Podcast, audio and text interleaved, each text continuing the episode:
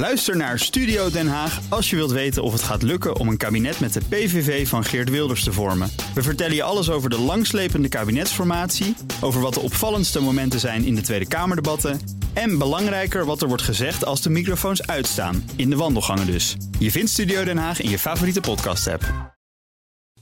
De column van Marianne Zwagerman. Ik kan me eigenlijk niet herinneren dat er Kamervragen werden gesteld toen Frank Boeien in 1984 zwart-wit op de plaats zette. Welke mensen zomaar wit noemen, daar kunnen we nu niet meer tegen. Martin Bosma van de PVV wil van de minister van Media weten of de NOS zomaar kan besluiten witte mensen voortaan witte mensen te noemen in nieuwsberichten. Want dat is een kenmerk van dictatuur volgens Bosma. De woordenschat van het volk proberen te beïnvloeden. Je zou je eerder kunnen afvragen waarom het ruim 30 jaar moest duren voor de NOS zijn taalgebruikers aanpaste. Taal verandert en popcultuur is daarin een belangrijke factor. Nou was de wereld natuurlijk wel veel overzichtelijker tot 1984. Autochtonen waren nog gewoon Nederlanders en alle andere inwoners van Nederland noemden we buitenlanders.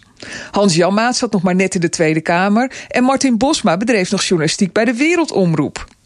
Frank Boeien zong in zwart-wit over de moord in Amsterdam op Kerwin Duinmeijer, een 15-jarige zwarte jongen. Een neger noemden we dat toen nog. Hij werd doodgestoken door de 16-jarige skinhead Nico, die 100% white op zijn arm had laten tatoeëren. Zwart, wit, mes, steek, pijn. Er was geen taalcommissie bij de publieke omroep voor nodig om dat te omschrijven. Kerwin werd het boegbeeld van de strijd tegen racisme in Nederland. En zijn dood ging de geschiedenis in als de eerste met een racistisch motief na de Tweede Wereldoorlog.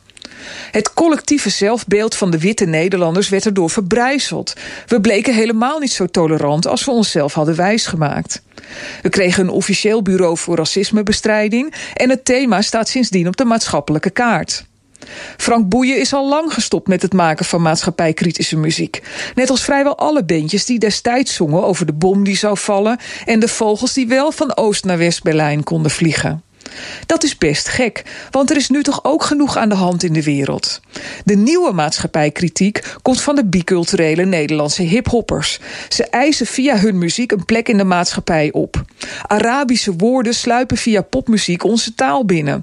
Zelfs de bejaarde kijkers van het NOS-journaal weten nu wat kech betekent. Ik voel de volgende Kamervragen alweer aankomen.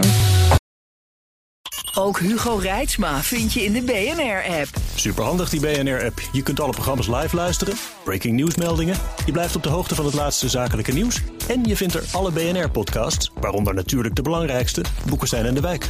Download nu de gratis BNR-app en blijf scherp.